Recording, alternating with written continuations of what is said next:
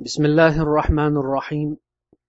الحمد لله رب العالمين وأفضل الصلاة وأتم التسليم على خاتم النبيين صفوة الصفا وقدوة القدوة من المرسلين.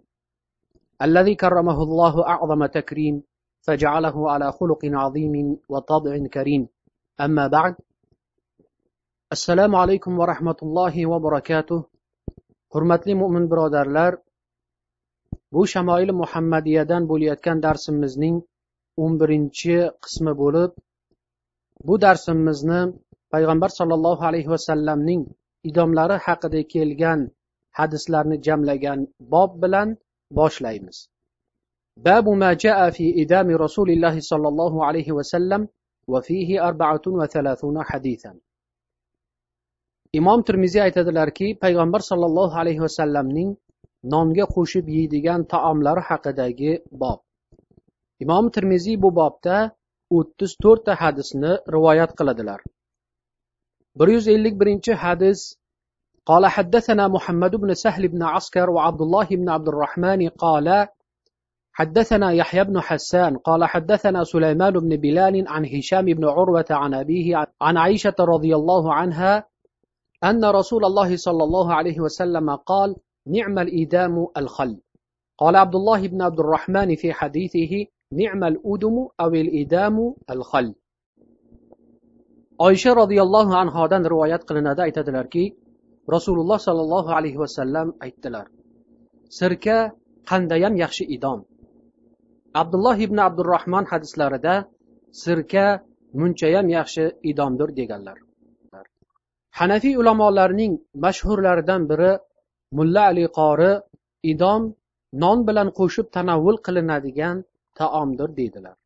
Bu hadisga bir diqqat qilaylik. Payg'ambar sollallohu alayhi vasallam judayam yaxshi deb maqtayotgan taom sirka qo'shilgan non xolos. Bunday taomni hozirgi zamonamizda birovning iste'mol qilishini bilasizmi? Albatta yo'q. Balki bunday ovqatlanish tobiinlar davridayoq topilmay qolgan. Bundan keyingi hadisda tobiinlar davrida ham mana shunday taom topilmay qolganligiga dalolat qiladigan mazmun ifoda qilinadi bir yuz ellik ikkinchi hadis قال حدثنا قتيبة قال حدثنا أبو الأحوص عن سماك بن حرب قال سمعت النعمان بن بشير يقول ألستم في طعام وشراب ما شئتم فقد رأيت نبيكم وما يجد من الدقل ما يملأ بطنه nomon ibn bashir aytadilarki sizlar xohlaganlaringcha sharobu taomga chulg'almadinglarmi men payg'ambar sollallohu alayhi vasallamni ko'rganman yegani xurmo qoqisini ham topa olmas edilar bir yuz ellik uchinchi hadis قال حدثنا عبدة بن عبد الله الخزاعي قال حدثنا معاوية بن هشام عن سفيان عن محارب بن دثار عن جابر بن عبد الله قال قال رسول الله صلى الله عليه وسلم نعم الإدام الخل. جابر بن عبد الله تن روايات قلنا دعيت الأركي پیغمبر صلى الله عليه وسلم سركة منچ هم يخش إدام دیدلر بروز 54 حدث قال حدثنا هناد قال حدثنا وكيع عن سفيان عن أيوب عن أبي قلابة عن زهدم الجرمي قال كنا عند أبي موسى الأشعري فأتي بلحم دجاج فتنحى رجل من القوم فقال ما لك قال إني رأيتها تأكل شيئا نتنا فحلفت ألا آكلها قال دنو فإني رأيت رسول الله صلى الله عليه وسلم يأكل لحم دجاج زهدم ابن الجرمي aytadilar abu muso al ashariyning oldilarida o'ltirgan edik to'satdan tovuq go'shti olib kelindi qavmdan bir kishi o'zini chetga oldi. Shunda abu muso senga nima bo'ldi? dedilar. U aytdiki men tovuqni jirkanch narsani tanovvul qilganini ko'rganman. Shuning uchun uni hech ham yemaslikka qasam ichib qo'ygan edim. Abu muso qani yaqinroq kelchi men payg'ambar sollallohu alayhi vasallamni tovuq go'shti yeganlarini ko'rganman dedilar. Bir yuz ellik beshinchi hadis قال حدثنا الفضل بن سهل الأعرج البغدادي قال حدثنا إبراهيم بن عبد الرحمن بن مهدي عن إبراهيم بن عمر بن السفينة عن أبيه عن جده قال أكلت مع رسول الله صلى الله عليه وسلم لحم حبارا. ibrohim ibn umar ibn safina otalaridan otalari bobolaridan rivoyat qiladilar. Zot men payg'ambar sollallohu alayhi vasallam bilan hubaro go'shtini yeganman degan ekanlar hadisni sharhlovchi ulamolarning ba'zilari hubaro sahrolarda yashaydigan kabutar tengligidagi yovvoyi qush desalar boshqa birlari hubaro tuvaloq deb atalmish sahroviy yovvoyi katta qush deydilar vallohu taala alam bir yuz ellik oltinchi hadis qola haddathana ali ibn hujr قال حدثنا إسماعيل بن إبراهيم عن أيوب عن القاسم التميمي عن زهدم الجرمي قال كنا عند أبي موسى الأشعري قال فقدم طعام وقدم في طعامه لحم الدجاج وفي القوم رجل من بني تيم الله أحمر كأنهم مولى قال فلم يدنو فقال له أبو موسى أدنو فإني قد رأيت رسول الله صلى الله عليه وسلم أكل منه قال إني رأيته يأكل شيئا فقذرته فحلفت ألا أطعمه أبدا zahdam al jarmiy aytadilarki abu muso al ashariyning huzurlarida edik u kishiga taom hozirlandi taomda tovuq go'shti ham bor edi qavm ichida bani taymillah qabilasiga mansub bug'doy rang kishi bor edi aftidan mavloga ozod etilgan qulga o'xshaydi roviy aytadilarki shu odam ovqatga yaqin o'ltirmadi shunda abu muso al ashariy unga yaqinroq kel. Men rasululloh sollallohu alayhi vasallamni tovuq go'shtidan yeganlarini ko'rganman dedilar. U men tovuqni iflos narsa yeganini ko'rib ko'nglim xush ko'rmay tovuq go'shtini hecham yemaslikka qasam ichgan edim dedi. Najosatlarni yeyishga odatlangan hayvonni fuqaholar jallola deb atashadi. Bunday ovqatga o'rgangan hayvon agar tuya bo'lsa ba'zi ulamolar uni qirq kun nopok ovqatdan uzoq tutib toza ovqat berib boqiladi undan so'ng so'yish mumkin deydilar. Badoi sanoiy kitobining muallifi kosoniy rahimaulloh aytishlaricha abu hanifa rahimaullohdan muddatini belgilaganliklari rivoyat qilinmay u zot to tuya qornida yegan najosatlar chiqib ketib uning tanasidan yomon hid anqimaydigan bo'lguncha degan ekanlar. Tovuq masalasiga kelsak bunda uch kunni belgilagan ekanlar. ya'ni uch kungacha tovuqni najosat yerlardan saqlab pokiza ovqatlar berib boqiladida so'ng so'yishga ruxsat kosoniy aytadilar abu hanifa rahimaulloh tovuqqa uch kunni belgilashlarida bu haqda kelgan biror bir hadisga tayangan bo'lsalar kerak bir yuz ellik yettinchi hadis قال حدثنا محمود بن غيلان قال حدثنا أبو أحمد الزبيري وأبو نعيم قال حدثنا سفيان عن عبد الله بن عيسى عن رجل من أهل الشام يقال له عطاء. عن أبي أسيد قال قال رسول الله صلى الله عليه وسلم كلوا الزيت وادهنوا به فإنه من شجرة مباركة. أبو أسيدdan rivoyat qilinadi rasululloh sollallohu alayhi vasallam zaytun yog'ini yenglar va uning yog'i bilan yog'laninglar chunki u muborak daraxtdandir dedilar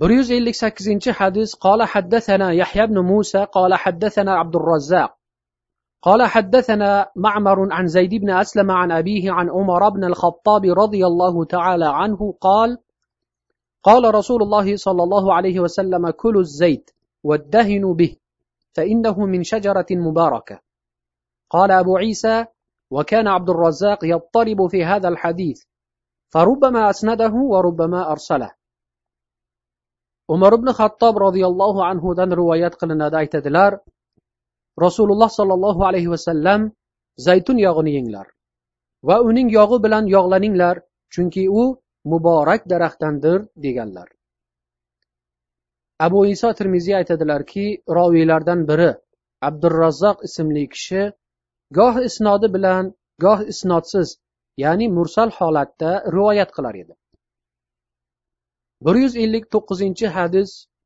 قال حدثنا السنجي وهو أبو داود سليمان بن معبد المروزي السنجي قال حدثنا عبد الرزاق عن معمر عن زيد بن أسلم عن أبيه عن النبي نحوه صلى الله عليه وسلم ولم يذكر فيه عن عمر zayd ibn aslam otalaridan xuddi shu hadisni rivoyat qiladilar lekin umar roziyallohu anhudan degan lafzni zikr etmaganlar. bir yuz oltmishinchi hadis قال حدثنا محمد بن بشار قال حدثنا محمد بن جعفر وعبد الرحمن بن مهدي قال حدثنا شعبة عن قتادة عن أنس بن مالك قال كان النبي صلى الله عليه وسلم يعجبه الدباء فأتي بطعام أو دعي له فجعلت أتتبعه فأضعه بين يديه لما أعلم أنه يحبه bu hadis anas roziyallohu anhudan rivoyat qilinadi. Aytadilar payg'ambar sollallohu alayhi vasallamga oshqovoq yoqar edi. Bir kuni u zotga taom keltirildi yoki taom buyurildi. Men u zot oshqovoqni yoqtirishlarini bilganim uchun oshqovoqni u kishi uchun terib olib oldilariga qo'yar edim deydilar. Bir yuz oltmish birinchi hadis قال حدثنا قتيبة بن سعيد قال حدثنا حفص بن غياث عن إسماعيل بن أبي خالد عن حكيم بن جابر عن أبيه قال دخلت على النبي فرأيت عنده دباء يقطعه فقلت ما هذا؟ قال نكثر به طعامنا. قال أبو عيسى وجابر هو جابر بن طارق ويقال ابن أبي طارق وهو رجل من أصحاب رسول الله صلى الله عليه وسلم. ولا نعرف له إلا هذا الحديث الواحد وأبو خالد اسمه سعد hakim ibn jobir otalaridan rivoyat qiladilar otalari aytadilarki men rasululloh sollallohu alayhi vasallam huzurlariga kirdim oldilarida oshqovoq bor edi uni to'rg'ayotgan ekanlar men bu nima dedim u zot aytdilarki bu bilan ovqatimizni ko'paytiramiz abu iso termiziy aytadilar bu hadisdagi roviy jobir u jobir ibn toriqdir uni ibn abu toriq ham deb atashadi u rasululloh sollallohu alayhi vasallamning ashoblaridan bo'ladi uni bundan boshqa hadis rivoyat qilganini bilmaymiz abu xolidning ismi esa saaddir bir yuz oltmish ikkinchi hadis قال حدثنا قتيبة بن سعيد عن مالك بن أنس عن إسحاق بن عبد الله بن أبي طلحة أنه سمع أنس بن مالك يقول إن خياطا دعا رسول الله صلى الله عليه وسلم لطعام صنعه. فقال أنس فذهبت مع رسول الله صلى الله عليه وسلم إلى ذلك الطعام. فقرب إلى رسول الله صلى الله عليه وسلم خبزا من شعير ومرقا فيه دباء وقديد. قال أنس فرأيت النبي يتتبع الدباء حوالي الصحفة فلم أزل أحب الدباء من يومئذ anas roziyallohu anhudan rivoyat qilinadi aytadilar bir chevar kishi payg'ambar sollallohu alayhi vasallamni mehmongarchilikka chaqirdi. Anas aytadilar men ham rasululloh sollallohu alayhi vasallam bilan birgalikda men ham payg'ambar sollallohu alayhi vasallam bilan birgalikda mehmongarchilikka bordim. U payg'ambar sollallohu alayhi vasallamga arpa noni oshqovoq va quritilgan go'sht solingan sho'rva olib keldi. Men rasululloh sollallohu alayhi vasallamni kosaning har tarafidan oshqovoqni axtarib terib yeyotganlarini ko'rdim shuning uchun ana shu kundan beri oshqovoqni yaxshi ko'raman bir yuz oltmish uchinchi hadis قال حدثنا أحمد بن إبراهيم الدورقي وسلمة بن الشبيب ومحمود بن غيلان قالوا حدثنا أبو أسامة عن هشام بن عروة عن أبيه عن عائشة قالت كان النبي يحب الحلواء والعسل bu hadis oysha onamiz roziyallohu anhodan rivoyat qilinadi aytadilar payg'ambar sollallohu alayhi vasallam shirinlikni va asalni yaxshi ko'rar edilar bir yuz oltmish to'rtinchi hadis قال حدثنا الحسن بن محمد الزعفراني قال حدثنا الحجاج بن محمد قال قال ابن جريج أخبرني محمد بن يوسف أن عطاء بن يسار أخبره أن أم سلمة أخبرته أنها قربت أنها قربت إلى رسول الله صلى الله عليه وسلم جنبا مشويا فأكل منه ثم قام إلى الصلاة وما توضأ ummu salama roziyallohu anhodan rivoyat qilinadi u zot payg'ambar sollallohu alayhi vasallamga qo'yning biqin go'shtidan pishirilgan kabob olib kirgan ekanlar payg'ambar sollallohu alayhi vasallam undan tanovul qilib so'ng tahoratni yangilamagan ekanlar bir yuz oltmish beshinchi hadis قال حدثنا قتيبة قال حدثنا ابن لهيعة عن سليمان بن زياد عن عبد الله بن الحارث قال أكلنا مع رسول الله صلى الله عليه وسلم شواء في المسجد عبد الله بن الحارث aytadilar biz rasululloh sollallohu alayhi vasallam bilan birgalikda masjidda kabob yeganmiz Bir yuz oltmish oltinchi hadis قال حدثنا محمود بن غيلان.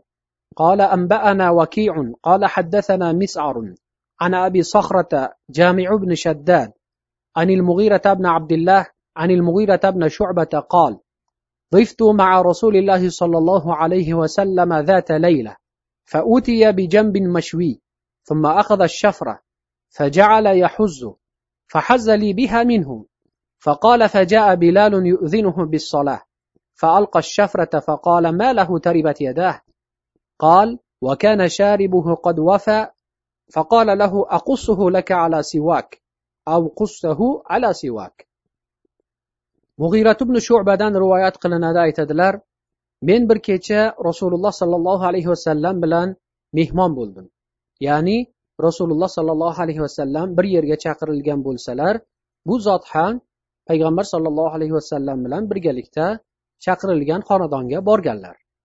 Hadisda aytadilarki biqin go'shtidan tayyorlangan kabob keltirishdi. U zot bir pichoqni olib undan kesa boshladilar. Menga ham kesib berdilar. Bir vaqt bilol kelib namoz vaqti kirganini xabar qilib qoldi. Payg'ambar sollallohu alayhi vasallam pichoqni tashlab nima bo'ldi unga? Qo'li tuproqqa belansin dedilar. Mug'irat ibn shubaning mo'ylovlari o'sib qolgan ekan payg'ambar sollallohu alayhi vasallam unga mo'ylovingni misvak ustiga qo'yib qisqartirib qo'yaman yo o'zing misvak ustiga qo'yib qisqartirib ol dedilar. Ulamolar o'rtalarida pichoq bilan go'shtni kesib yeyish joizligida ixtilof bor. Sababi pichoq bilan kesib yeyish mumkin emasligida payg'ambar sollallohu alayhi vasallamdan hadis vorid bo'lgan. Mana bu hadis esa go'shtni pichoq bilan kesib yeyishlik joizligiga yaqqol dalil bo'lyapti. Shuning uchun ulamolar pichoq bilan kesib yeyish joiz emas degan hadisni pichoq bilan kesib pichoq ustida yeyish joiz emas. Ammo pichoq bilan kesib olib so'ng uni qo'lida yesa joizdir deb tavil qiladilar. Mulla ali qori rahimaulloh payg'ambar sollallohu alayhi vasallamning bilolga qilgan duolari ya'ni qo'ling tuproqqa belansin deganlari kambag'al qashshoq bo'lgin degan mazmun bo'lib bu so'zni haqiqatini ko'zda tutilgan emas deydilar. Balki bu qadim qadimdan arablar o'rtalarida keng tarqalgan odatlardandir. Hatto bunday uslub biz o'zbeklar urfida ham bor. Misol uchun ona o'z farzandini ha seni qurib ketmagur yoki qurib ketgur o'lmagur o'lgur bola tushmagur va hokazo so'zlar bilan koyiydi goho shu so'zlar bilan erkalaydi ham lekin niyatida ana shu holatni bo'lishini hargiz istamaydi mo'ylov qisqartirish masalasi ham juda diqqatga e'tiborlidir shuning uchun payg'ambar sollallohu alayhi vasallam men mo'ylovingni qisqartirib qo'yaman dedilar bir yuz oltmish yettinchi hadis قال حدثنا واصل بن عبد الأعلى قال حدثنا محمد بن فضيل عن أبي حيان التيمي عن أبي زرعة عن أبي هريرة قال أتي النبي بلحم صلى الله عليه وسلم فرفع إليه الذراع وكانت تعجبه فنهس منها bu hadis abu hurayra roziyallohu anhudan rivoyat qilinadi aytadilarki payg'ambar sollallohu alayhi vasallam